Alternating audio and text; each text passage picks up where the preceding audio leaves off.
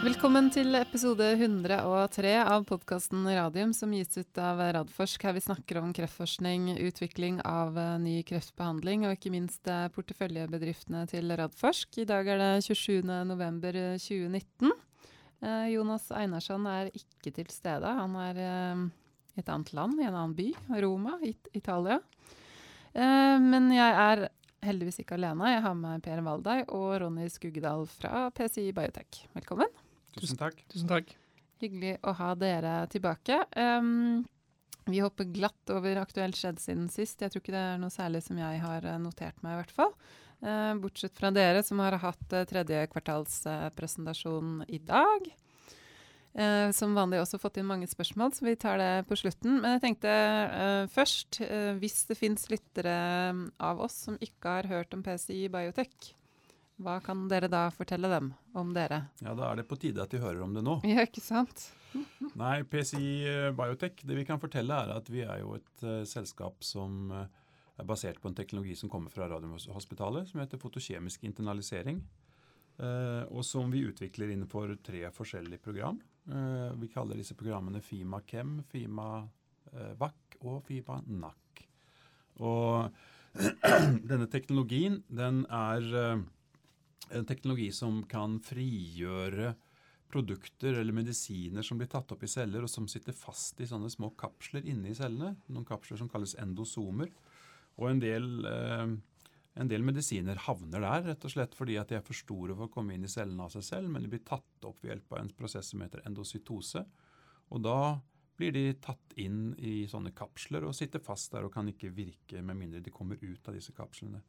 Og så har vi en slags kapselfrigjøringsteknologi. Der vi kan uh, bruke en, et fotosensitivt stoff som vi gir til pasienten. Og som setter seg inne i disse kapslene sammen med medisinen. Og når vi lyser, så får vi denne fotosensitizeren, denne fotosensitive stoffet, til å reagere. Og det skaper en liten kjedereaksjon som gjør at uh, selve veggen til disse kapslene den går litt i oppløsning uh, og blir lekk. Og da kan eh, medisiner som er fanget inn i sånne kapsler, komme ut. Så det er en måte å få inn store medisiner, store molekyler som, eller medisiner som er store molekyler, eh, og som ikke kan komme inn i celler selv. De kan jo få dem inn i cellene, sånn at de kan fungere. Mm. Og Dette gjelder da både en del medisiner som allerede er på markedet, som vi kan forsterke effekten av, fordi at de har en tendens til å sette seg fast i disse kapslene. Eller det kan da være f.eks. vaksiner. Dette er måten immuncellene, disse vaktpostcellene som sitter rundt omkring i kroppen, som tar inn vaksiner. Det er måten de eh, tar inn vaksinene på. Eh, det er denne endocytosen og inn i disse kapslene.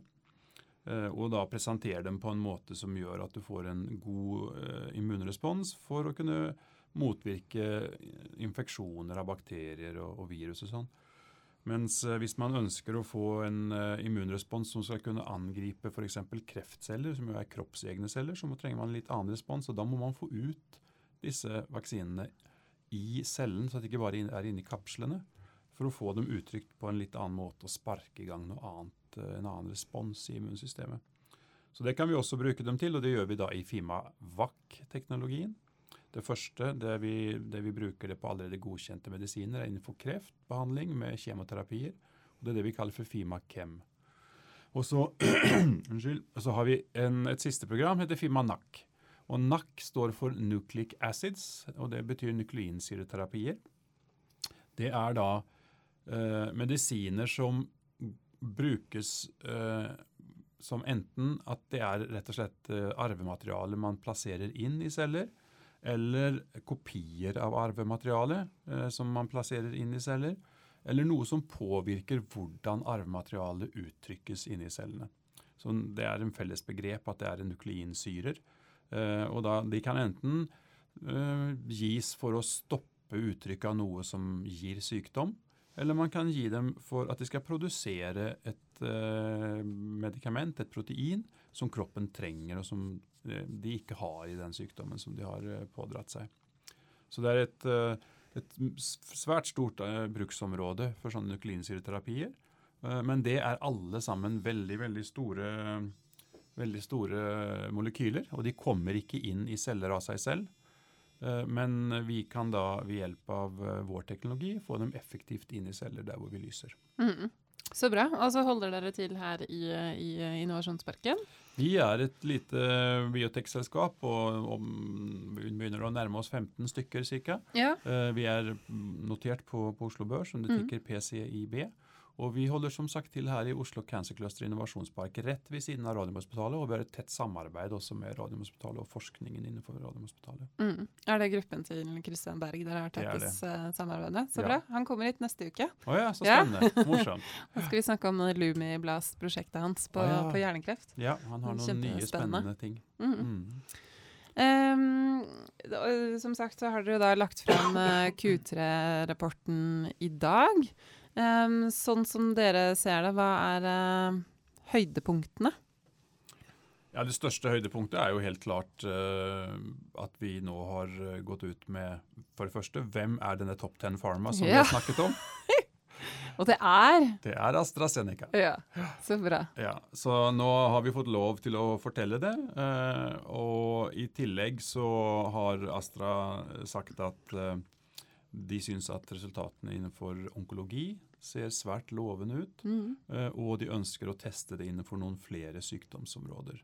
Ja. Og så har vi da en avtale som går ut nå i slutten av året, som eh, vi har sagt er den siste avtalen vi har innenfor det rammeverket vi nå sitter med, som er en research collaboration, uten at det er noen eh, lisenser eller noen opsjoner eller noe sånt som ligger i det. Mm. Og derfor så må de nå på relativt kort tid prøve å få gjort eh, noe som gjør, som forteller dem om bruksmuligheter innenfor andre indikasjoner også. Ja. Og så skal de neste seks månedene, etter, eh, etter eh, at vi har gjort ferdig denne eksperimentelle perioden, brukes til å diskutere potensielt videre samarbeid og under hvilken form det skal skje. Mm. Og var, dette var jo da en melding som vi den, Denne avtalen ble signert i går, så mm. dette var da en melding som, eh, som ble sendt ut i går kveld når vi mottok den signerte avtalen. Mm, så bra. Eh, hva, hva betyr det for dere å ha, en, ha denne type samarbeid med, med Astra? Det betyr jo ganske mye, fordi at de er et stort selskap. Eh, De har en masse kompetanse innenfor området.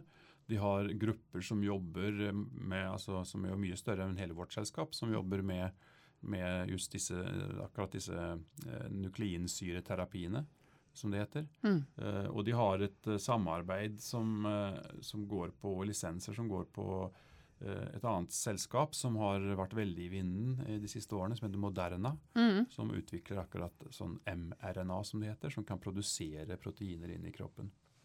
Så det er jo et eh, veldig spennende samarbeid å ha. Så bra. Mm. Andre høydepunkt? Andre høydepunkt er jo progresjonen på, på Progresjonen på, på uh, release-studien. Mhm. Altså Det første programmet som vi nevnte, det FIMA Chem-programmet, der vi forsterker allerede godkjente medisiner, det har vi jo i en utvikling i et registreringsstudie, altså det siste studiet som skal til før du får godkjenning uh, for et produkt. Du kan ta det ut på markedet. Eh, innenfor gallegangskreft, som jo er en sjelden, men svært alvorlig eh, sykdom. Mm. eh, som eh, de fleste ikke er operable når de får, og som overlevelsen er ca. et år med Mm. dagens standardbehandling. Eh, Så det er et stort medisinsk behov. Det er ingen produkter som er godkjent heller for behandling av denne kreftformen. Så her trengs det virkelig bedre behandling. Disse pasientene dør som regel av eh, effekter som er lokalt i gallegangen av kreften der den oppstår. Så det er veldig viktig å holde en såkalt det man kaller for lokoregional kontroll på den kreften. At man Mm. klarer å begrense den i det området. Og vi har jo en teknologi som kan booste effekten av kjemoterapi lokalt. Og da kan vi bruke endoskopteknologier, altså sånn at du går inn via munnen og spiserøret ned gjennom magen og inn i tynntarmen og opp i gallegangen. Eh, For det gjør man likevel i disse pasientene for å sette inn stent og for å ta biopsier og for å gjøre radiografiske undersøkelser. Mm. Og Da kan vi bare sette inn en optisk fiber, og så lyser vi fra innsiden på disse svulstene. Og kan da forsterke effekten av gemcitabin akkurat der hvor det trengs mest. Mm. Og Vi har gjort en fase 1-studie som har eh, gitt lovende resultater med tumorrespons. og Tilsvarende så ser det ut til at den tumorresponsen også overføres i en bedre overlevelse. Så det ser veldig lovende ut, og vi har vært, eh, snakket med myndighetene, fått det som heter orphan designation i både Europa og USA. Som betyr at vi får en del fordeler i utviklingsløpet, pluss en markedseksklusivitet når vi kommer på markedet, dersom Mm. dette blir godkjent. Uh, og uh, vi har nå startet da den såkalte release-studien, som er en studie som også inneholder en interimavlesningspunkt, som vi eventuelt kan få det man heter, som heter akselerert godkjenning på. Mm. Så der er vi med, med det punktet. Mm. Eh, og det vi da hadde som, eh, som jo markedet er veldig interessert i, er vi har jo startet opp denne studien nylig. Den startet i, i, eh, i mai, Mhm. første pasient inn. Og det de er interessert i, er jo hvordan går oppstarten. Eh, og det vi rapporterer inn på, det er hvor mange land vi har fått godkjent i, og hvor mange sites vi har åpnet. Og nå har vi da åpnet alle bortsett fra ett land, eh, som er UK. Alle andre land i Europa pluss USA har vi alle godkjenninger i. Mm. Eh, Og det er totalt elleve land Mm. som vi da har godkjenninger i. Og så eh, ligger vi litt etter, fortalte vi, på site eh, openings. Mm. Vi har eh, åpnet sånn at vi nå har 23 eh, sykehus som er åpne og screener for pasienter. eh, og innrullerer pasienter i studien. Eh, men eh, vi skulle vel egentlig hatt uh, ca. ti til ifølge plan.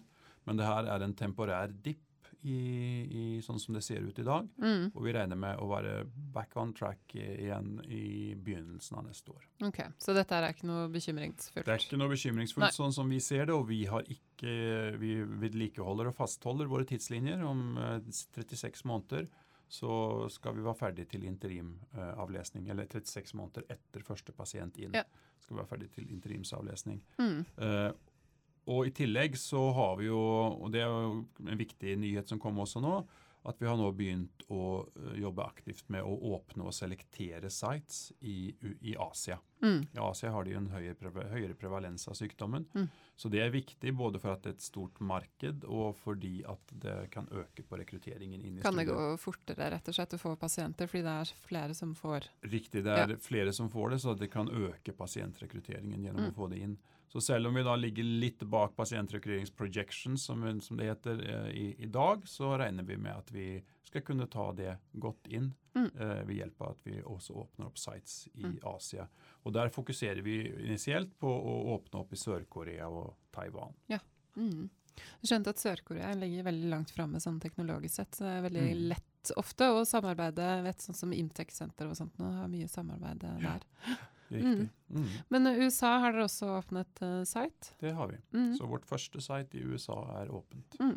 Eh, og vi, de, de ligger jo som nå som perler på snor fremover og skal Ja. åpnes flere site i, frem mot uh, slutten av året og i begynnelsen av neste år. Mm. Men eh, hva, hva er greia med UK? De pleier også å være ganske fremoverlente når det kommer til ny, ny behandling. Er det Det er, det er vel ikke noen greie med UK Nei. egentlig i denne sammenhengen. Det Nei, er det mer at det sånn- var et, det har vært et liten saksbehandlingsfeil her. Oh, ja, oh, ja. Eh, Sånn at det er en e- e-post som har blitt glemt og blitt besvart, og så har en tidsfrist gått ut, Skjønner. og da må man resubmitte.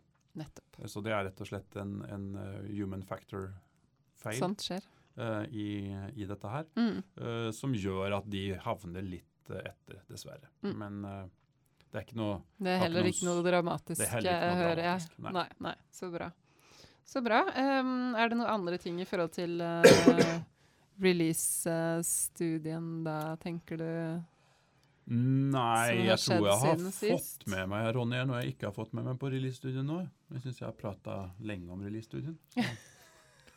Nei, jeg tror, jeg tror det meste er dekt. Ja. Mm. For Fima VAC så kom vi ut og fortalte at vi kommer til å presentere på ESMO Immuno-Oncology, Mm. eh, og har fått akseptert presentasjon der. Mm. Så der skal vi ha en poster. Mm. eh, vi Er det da viser- nye data dere presenterer der, eller? Det er de dataene som er fra fase 1 med Fima VAC. Mm. Ja. eh, som jo vi har vist noen eh, high level-resultater fra tidligere på Mm. investorpresentasjoner, men som nå kommer med mer detaljer. Det er ikke noen nye eller andre resultater, selvsagt. Men det er mer eh, detaljer. Det er mer Ja. detaljer. rundt Deres aksjonærer liker detaljer, så Ja, det jeg har skjønt det. Ja, det har jeg også skjønt. Jeg er innboksen full av eh, detaljerte spørsmål. Mm.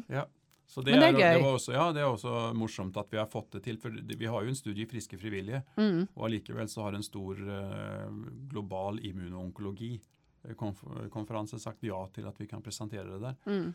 Eh, så det syns jeg jo i seg selv sier noe om at det er interessante resultater. Mm. Ja, og så kanskje at i det området med immunterapi at dere kan spille en viktig rolle i forhold til det å forsterke effekten da, av, av eksisterende terapier. Mm. Mm. Det er jo det som er tanken, at vi har en vaksinasjonsteknologi som kan kombineres med andre vaksiner, og kanskje med da checkpoint inhibitors eller andre typer terapier. Mm. Eh, også kjemoterapier eventuelt. For å få en bedre effekt Mm. eh, av eh, primært immunterapi. da, Mm. Eller immunterapieffekter.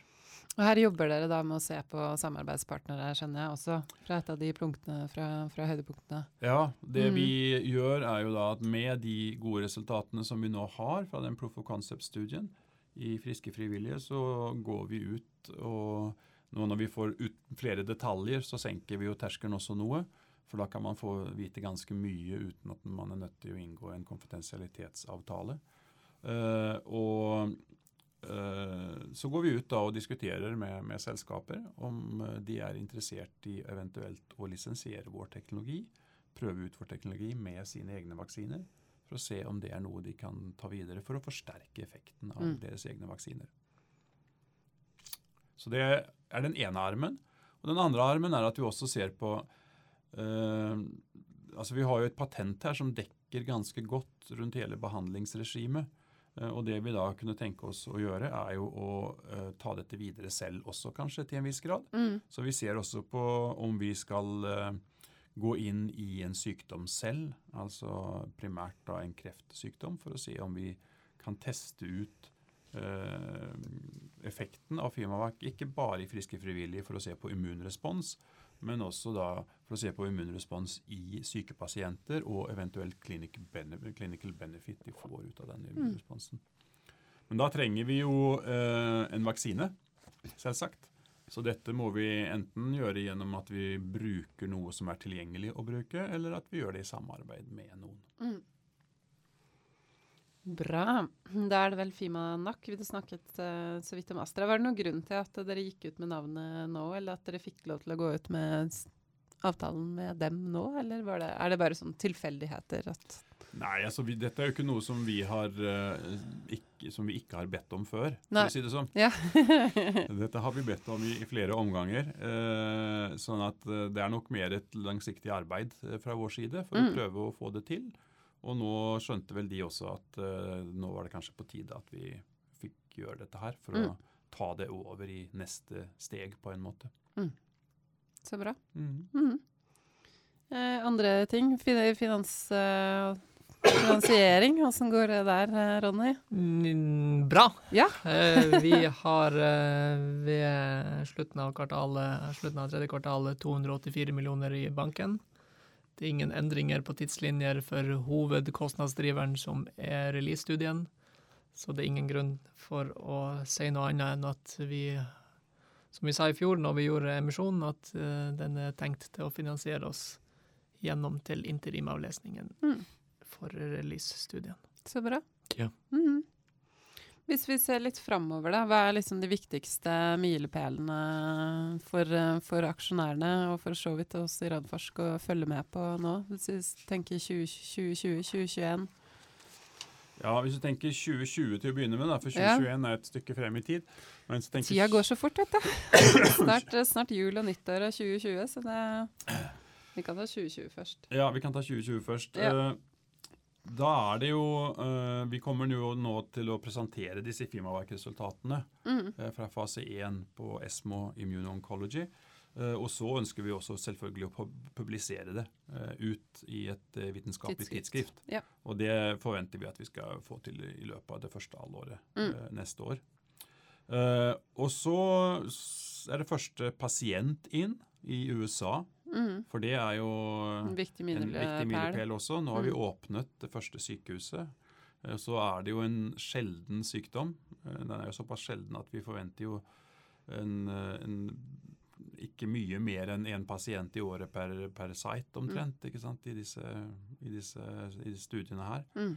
Eh, Så det kan ta litt tid. og Derfor så har vi fortalt at selv om vi nå har åpnet sykehus, så uh, har vi fortalt at det kan være at det, vent, at det ikke skjer før i neste halvår. Altså Mm. første halvår 2020. Mm. Så det ligger som en neste milepæl.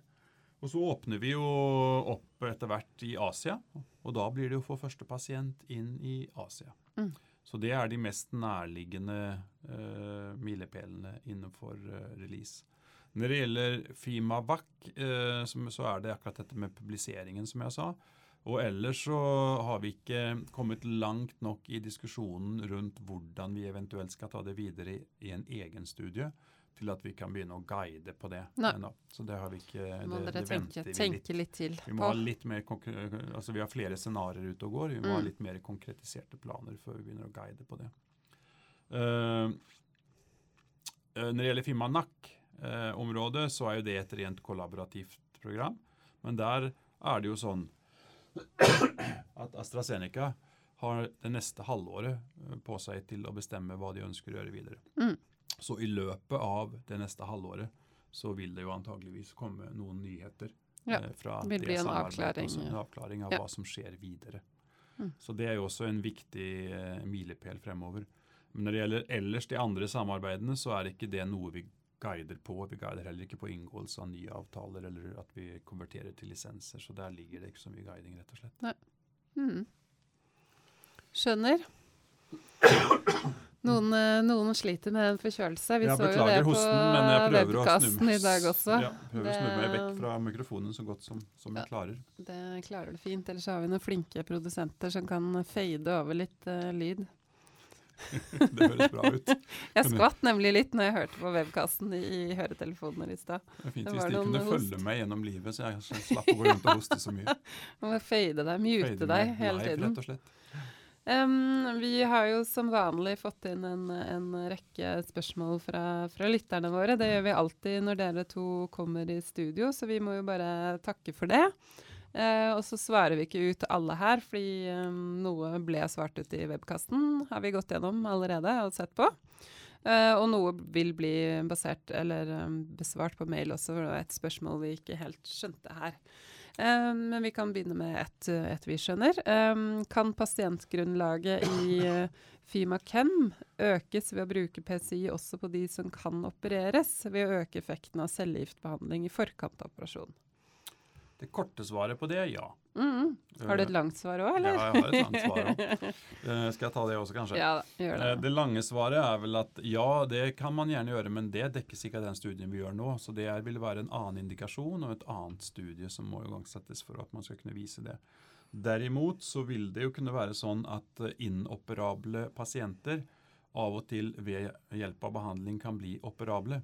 Og hvorvidt vi klarer å konvertere inoperable til pasienter til operable, er jo noe som er svært interessant også i den studien vi gjør. Mm. Og Det vil også gi en god indikasjon på om det kan være fornuftig å behandle eh, pasienter eh, som i utgangspunktet er operable, men som man ønsker å krympe litt før selve operasjonen. Ja. Eh, til, eh, til eh, altså bruke Fimakem også til den, den type indikasjon. Mm. Men for å få det godkjent og få det som en indikasjon på en såkalt label, altså på, på Hva heter det label på norsk, da? Altså det som står at Ja, det er ja, ja. godkjent for bruk av, rett og slett. ja. Altså en, en, en godkjent indikasjon, så må du gjøre en studie. Innholdsfortegnelsen Ja, Ja. ja. Så Mm. må du gjøre en, en spesifikk studie på det. Men, men ser man da for seg at man må gjøre en hel studie, eller kan man på en måte legge til en arm på Nei. en eksisterende studie? Hvordan Nei, man kan ikke legge på en arm på Nei. den eksisterende studien, for den eksisterende studien den randomiserer allerede inoperable Ja, pasienter. Skjønner, skjønner. Så her måtte det være at man da gjør en studie for å se på uh, en eventuell Eventuelt, uh, altså det har, Dette har ikke jeg tenkt på i Nei. det hele tatt hvordan det skulle gjøres, så det er kanskje dumt å spekulere i det nå. Men, uh, Vi men det er ikke ikke noe som kan det. legges som en arm her. Nei, det ville bli en helt ny, ny Ja. type studie. Mm. Um, vi har fått inn et spørsmål fra, fra en svenske, i hvert fall skriver han på svensk, eh, han eller hun. Um, det går på um, Kan man kalle det en konkurrent? Nukana. Mm. Ja. mhm. De har eh, en fase tre-studie hvor de har åpnet sites i USA. Og så er spørsmålet da hvordan det går for dere i USA. Det har vi vel for så vidt svart ut. Der har Ja. dere åpnet og er i gang. Ja. Eh, og så er neste spørsmål om det finnes konkrete planer med eller uten partner å forsøke starte forsøk med Fimavac i terapeutisk formål. Syfte. Syfte, ja. Ja. Der har jeg vel uh, også svart egentlig ut. svart Ja. Uh, at eh, vi guider ikke på det ennå, for vi foreligger ikke så konkrete planer. Vi har flere mulige scenarioer som vi Mm. kan følge, Ja. som vi må utrede videre. Eh, og oppfølgingsspørsmålet på det er jo også ganske hypotetisk. Om det ikke blir med en partner, kommer, det, kommer dere da til å hente, hente penger ved, med en rettet emisjon? Det må vi ta stilling til når Ikke sant? det, når det blir eventuelt eventuelt blir aktuelt. Ja. Mm, ja. Mhm. Eh, og så tror jeg vi har svart ut neste spørsmål også. Den viser da til Mayo-klinikken som har eh, kommet med en studie som viser en forbedring i overlevelse med kjem kjemoterapi før operasjon, mm. jevnført med kjemoterapi etter operasjon med gallegangskreft. Og spørsmålet er da, er det noe dere har sett på? For det ville jo da eventuelt øke et antall pasienter som kunne ha dra nytte av Fimakem. Mhm. Og det, dette er en, det er ikke en studie som jeg har eh, sett på ennå, så jeg vet ikke egentlig hva slags operasjon dette her er. Nei. Mayo Clinic er jo uh, veldig kjent for at de har etablert denne såkalt uh, levertransplantasjonsoperasjonsmuligheten uh, for en eh, liten selektert gruppe av pasienter innenfor gallegangskreft. Eh, Så om det muligens er den det er snakk om her, det vet jeg ikke. Uansett så det avslutter spørsmålet med om man kan bruke Fimakem før eh, og- og etter operasjon. Mm. Og før er jo mulig, som vi allerede har nevnt, eh, og, men det er som sagt et eget studie i tilfelle. Ja. Eh, etter er ikke mulig, for når du gjør disse operasjonene, så fjerner du som regel eh, det som er av, eh, av gallegang. Det er Ja. ganske svære operasjoner, så Ja, vi har ikke noe bra måte å lyse på etterpå, Nei. eh, rett og slett.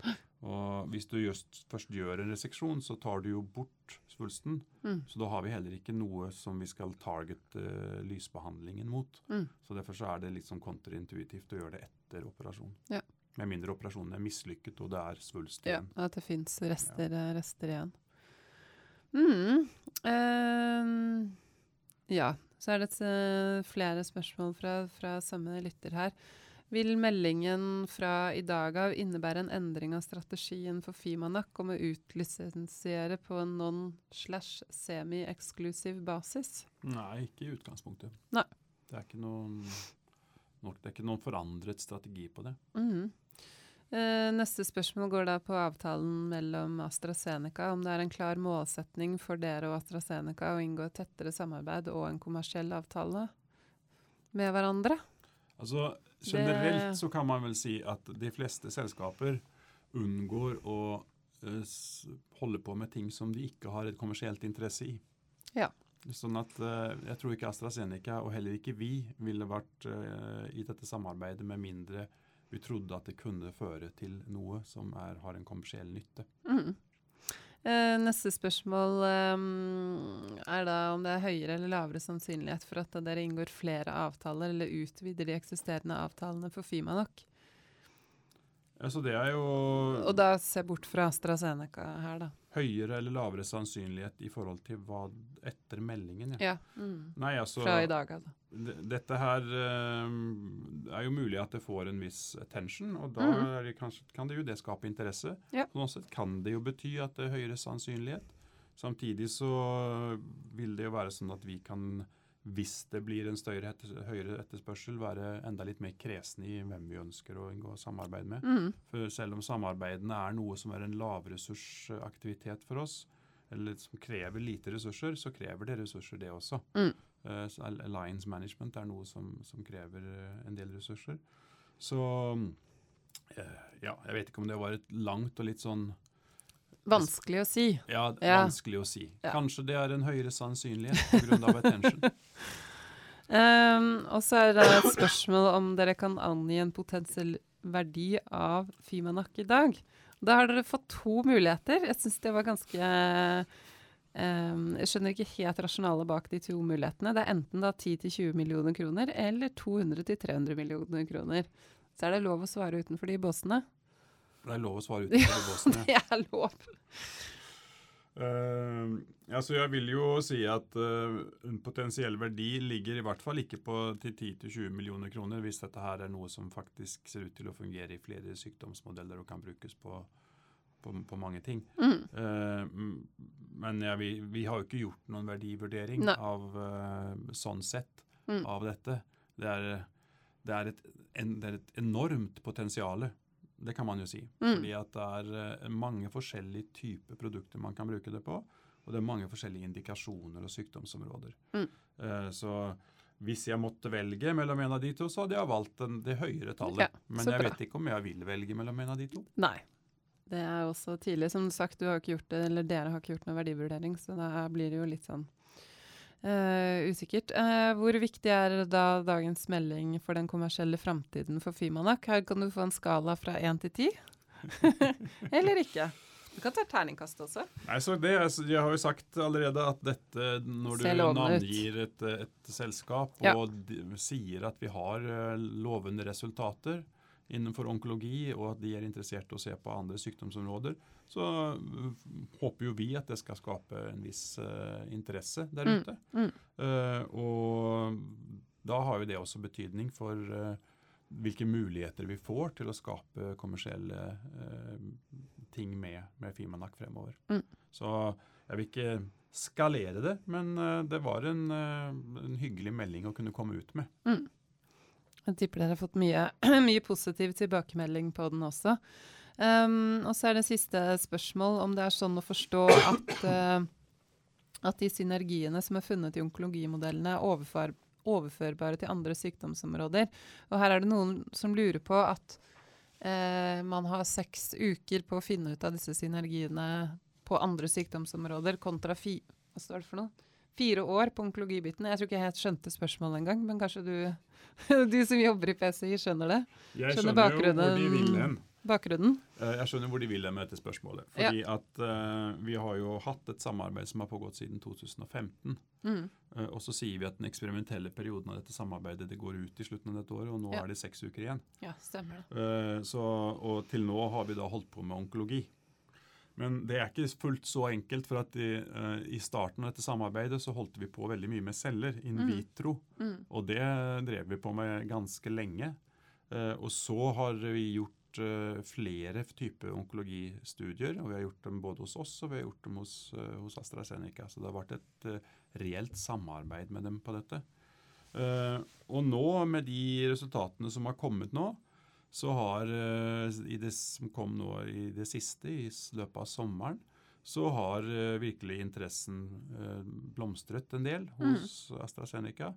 Eh, samtidig så har vi sagt at nå har vi holdt på så lenge, så nå Ja. må vi Nå må dere se bestemme ja, dere nå må det skje noe Ja. her. Og derfor og, og, Enten så flytter vi sammen, eller så er det slutt. Ja, Ja, det er litt sånn. Ja. Det er litt sånn. Ja. Og, da, og da har de sagt at men kan vi bare teste litt mer før vi bestemmer om vi flytter sammen. Eh, fordi at vi ønsker også å se på andre sykdomsområder. Mm. Og så har de da de seks eh, ukene på seg nå å Ja. gjøre dette her, og de har jo lagt opp eh, planer for hva de skal gjøre. Mm. Disse ligger jo i en sånn utvidelse av, sam av, av samarbeid. Det er ikke bare noe at man skriver under at vi utvider det, men man Nei. skriver under på hva man faktisk skal gjøre for noe. ja. Så det ligger, foreligger konkrete planer som okay. skal være gjennomførbare. Men det blir jo begrenset, selvsagt, i løpet av de seks ukene, men det skal være forhåpentligvis nok til at de da får gode nok resultater til at de kan ta en, en for oss eh, hyggelig beslutning. Mm. Eh, det får vi se på, men eh, det er det vi håper på. Men, men er det mulig å spekulere rundt hvilke andre sykdomsområder det er nærliggende å se på? Det er mulig å spekulere rundt. så Det kan man spekulere Det er kanskje derfor vi har. Jonas her, men han ikke er her. Han, Jonas, Hvis jeg var Jonas, så ville vi ha spekulert på at det måtte jo da være i områder der det enten var et lokalt behov, der du trengte å gjøre noe lokalt med en behandling. Eh, eller så måtte det være at det var noe som eh, rett og slett skulle være en produksjonsplass eh, for et biologisk legemiddel inni kroppen. Mm. Eh, men vi må jo, det skjer kun der hvor det lyser. Ja. Eh, og Så du må jo komme frem du med må lys. komme frem med lys til det stedet. Ja. Så enten må det være et sted der du kan lyse, eller så Mm. må det jo være noe som du bare etablerer et sted, f.eks. subkutant eller under huden, da, Mm. eh, for å produsere noe over tid. Mm. Eh, Så det ville vel jeg ha spekulert. Hvis jeg, men er uten å si noe mer om Ja, hva slags jeg det. sykdomsområder. Det er mange sykdomsområder. Ja. Masser av forskjellige mulige applikasjoner her. Mm. Eh, Men de har jo sine interesser, så de velger jo ut det som de syns er mest interessant av de strategiene som de har. Og så tester de der. Det, det er klart. Um, ellers så glemte jeg å gratulere dere med det som jeg her kaller folkeprisen på Norwegian Tech Awards. Takk Dere fikk jo ikke noe egen pris. Jeg var ut og googlet og googlet og googlet, og så tenkte jeg det var fryktelig merkelig at det ikke står noen ting om at dere fikk flest stemmer. Men det fikk dere altså da ikke en egen pris for. Nei. Nei? Det, vi gjorde Jeg ikke trodde det. liksom publikumsprisen var den gjeveste å få, ja da, men eh, det er ære, da. Det Ja, det er jo ja, det. det er en stor ære å Ja. få den. Uh, Det er veldig veldig hyggelig at, uh, at vi fikk det. Mhm. setter vi jo stor pris på at vi har så mange som er engasjert. Slo Equinor? Ja. Jo, men Hvor mange ansatte er Men hvor mange ansatte har ikke Equinor? Hvis de hadde bedt alle ansatte gå inn der og stemme. Så vet jeg ikke om det ville ha gjort Hvor mange ansatte har dere? Dere har 15. Ja. Ja. Nei, det er nok ikke de ansattstemmene hos oss som har, eh, som har gjort at vi vant dette. Så det er veldig hyggelig å, å Veldig høre at det er eh, Ja. folk der ute som syns at vår teknologi høres veldig spennende ut, mm. og at vi har en del følgere som, eh, som at, som heier på oss også, Ja. og som sikkert har vært med og stemt i òg, vil jeg tro. Ja, absolutt. Jeg syns det var fryktelig vanskelig i og med at Vaxibody også var nominert, da, disse og dere. Så disse seks. Eh, men jeg fant ut at jeg kunne lure systemet ved å gå inn på to forskjellige enheter og stemme. For egentlig så er det bare én stemme. Så jeg har da gitt En Én stemme til hver. Ja. Kan jo ikke velge. Nei, Nei. nei, man skal ikke velge Men mellom barna sine. eh, nei, man kan ikke det. Men det var jo fiffig at det systemet lot seg lure så lett, da, når jeg er så teknisk inkompetent som det er. jeg tenkte bare, jeg må bare prøve. Um, ja. Er det noe mer å, å tilføye da? Nei? Nei, jeg vet Nei. ikke om eh, det er noe spesielt mer å tilføye. Dere føler jeg dere har føler at vi har fått svart på de fleste av de spørsmålene, Ja. som vi skjønte i hvert Ja. fall. og fått gått igjennom det som var hovedsakene. Eh, det ligger jo en webkast der ute også, hvis folk ikke har fått med seg den. så Absolutt. er det jo mulig å... Kan- en vil, del av de spørsmålene som kom inn, er, eh, så har vi ikke tatt nå fordi at de var svar, er besvart på webkasten. ja, ja. Vi anbefaler ikke å høre med hodetelefoner. Eller f.eks. hvis man er trøtt, så kan man gjøre det, for da våkner man. For du hosta litt. Ja, Hostet litt i ørene det. mine. Det er helt greit. Men uh, det er jo ikke så lenge til vi, vi ses igjen, fordi um, uh, vi uh, i Radium skal jo ha en sånn sampodkast med, med DNB sin podkast Utbytte allerede 12.12. på DNB Healthcare. Så da, da kommer dere, mm. og en del av de andre børsnoterte selskapene, og litt annen moro skal vi finne på.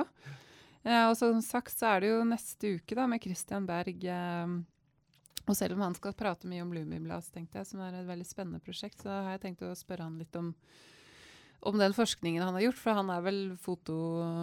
Altså PCI-teknologiens far, om man kan si det sånn. Ja, Ja, det er ja. absolutt. Mhm. Så det, det blir morsomt. Så det blir vel egentlig ganske mye PCI framover, tror jeg vi kan si. Ja. Kort, kort oppsummert de neste ukene. Både 4. og 12. desember. Ja. Flott. Takk skal dere ha. Mm, takk, Takk. for at dere kom.